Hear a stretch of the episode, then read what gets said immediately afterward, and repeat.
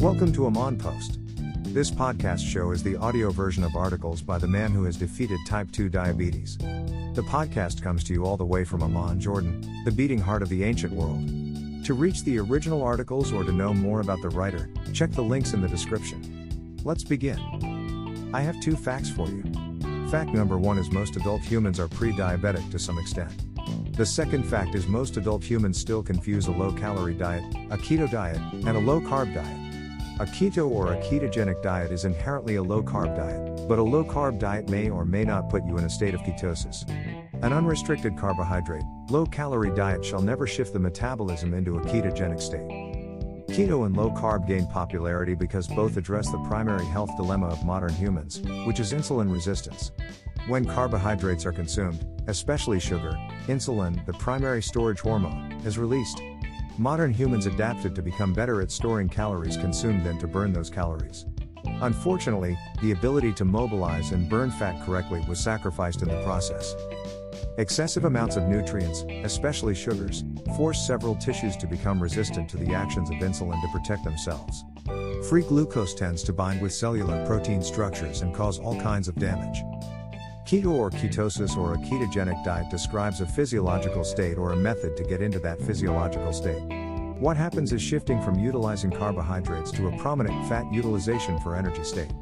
When most of the energy is derived from fat, the liver produces ketone molecules which are byproducts of fatty acids processing. It is essential to understand that unless you have type 1 diabetes, even if you fast for a month straight, the beta cells in your pancreas will still release a baseline amount of insulin. Without this baseline insulin release, the ketones concentrations will rise uncontrollably into dangerous levels, a condition referred to as ketoacidosis. Therefore, people with type 1 diabetes should never attempt stopping the use of insulin, especially the long type, even when following a zero carb lifestyle. Insulin resistance and subpar partitioning occur both in people with functional beta cells and those who suffer from type 1 diabetes. So, a type 1 diabetic can also be a skinny fat bad partitioner. On the other end of the spectrum, a type 1 diabetic can be an excellent nutrient partitioner with athletic body composition and need much fewer insulin units per day to control blood sugar compared to other type 1 diabetics. For people with functional beta cells, when the measurable concentration of ketones gets above a certain level, they'll be predominantly burning fat, which is ideal for losing weight and reversing insulin resistance. Sedentary individuals need to stay under 30 grams a day of net carbs to achieve and remain in ketosis. The concept of net carbs is simple but can become a slippery slope. Net carbs are the number, usually in grams, that remains after deducting the amount of fibers from the total amount of carbohydrates in a portion. The assumption is that fibers are indigestible, and therefore, no absorption occurs, which translates into no effect on blood sugar and no insulin response. If you have read some of my previous English articles or watched some of my videos in Arabic, you probably realize how ridiculous this assumption is. We are much more than an insulin response. However, and for the sake of delivering some knowledge, let's assume that the hypothesis is correct. After all, insulin is a master hormone. If your fat intake is substantially higher than your protein intake and your net carbs remain under 30 grams per day for a few consecutive days, the shift into the ketogenic state will occur. There are exceptions, some people should have to go for longer or restrict their net carbs intake to almost zero. This article shall not explain the reasons for that. On the obsolete calories count, 30 grams of net carbohydrates equates to 120 calories. If we compare that to the 60% of calories from carbohydrates recommendation adopted by mainstream health authorities in America, we'll see a huge difference.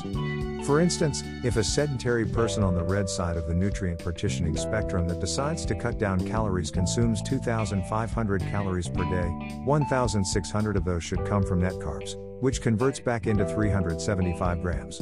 That is 12.5 times as much. Nowadays, the carbohydrate consumption of sedentary people is more than most high caliber athletes need, adding that those athletes are on the purple side of the spectrum, i.e., extraordinary partitioners. As a result, the person in the example mentioned above can initially lose body fat, reaching an inevitable plateau. Surely consuming that much excessive carbohydrates would create problems sooner or later. Add to that the fact that most of the food consumed today is processed, lots of sugar and lots of chemicals. As much as 60% of carbohydrates consumed are sugars. Sugar is added to ketchup, cookies, baked goods, and salad dressings.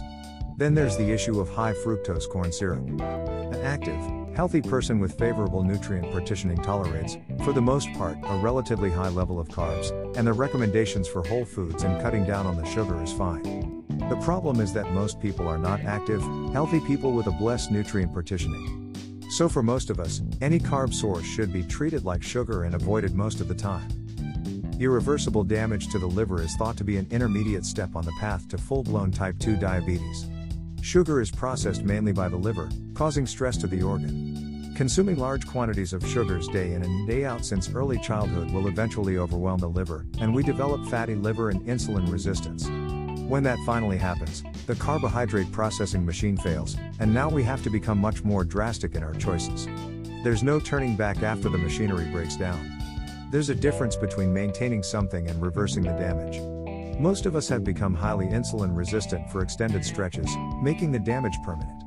According to reliable sources, over 75% of inhabitants of the Western world are insulin resistant. Some form of keto or low carb becomes the only lifestyle option available. A ketogenic diet is defined by most keto followers as 70% of the calories coming from fats and less than 5% from carbs, with the rest from proteins. If the fat is dropped to around 40% and the lost energy is substituted by carbs, that would become the worst diet model. Unfortunately, most research that demonizes low carb slash high fat diets is not really low carb enough or high fat enough, which makes the conclusions of hundreds of such research papers worthless. Sadly, most people think that low carb is anything less than the modern diet. Many people believe that the modern diet is regular or balanced because that's what they've been eating all their life for the last couple of generations. They don't know anything else, so they think low carb is anything less than that, which is not the case, and the aforementioned worthless research papers, when published as news titles, only add to the misinformation. To reverse insulin resistance, to effectively regain metabolic health, and a change body composition, a maximum daily amount of about 100 grams of net carbs is low carb. Generally speaking, a daily intake between 30 grams and 100 grams is considered low carb according to the low carb community, and below that is keto. However, these are not carved in stone rules. If, for example, someone does 45 minutes of intense cardio twice per day and does not consume any fructose, that person will attain and remain in a ketogenic state even if the daily net carbs surpass 100 grams. My nutrient partitioning spectrum theory explains why a few people can tolerate as many carbs as they wish without the slightest problem, while the rest of us are spread on a continuum with some who cannot tolerate carbs at all. Type 2 diabetes is the red end of this continuum.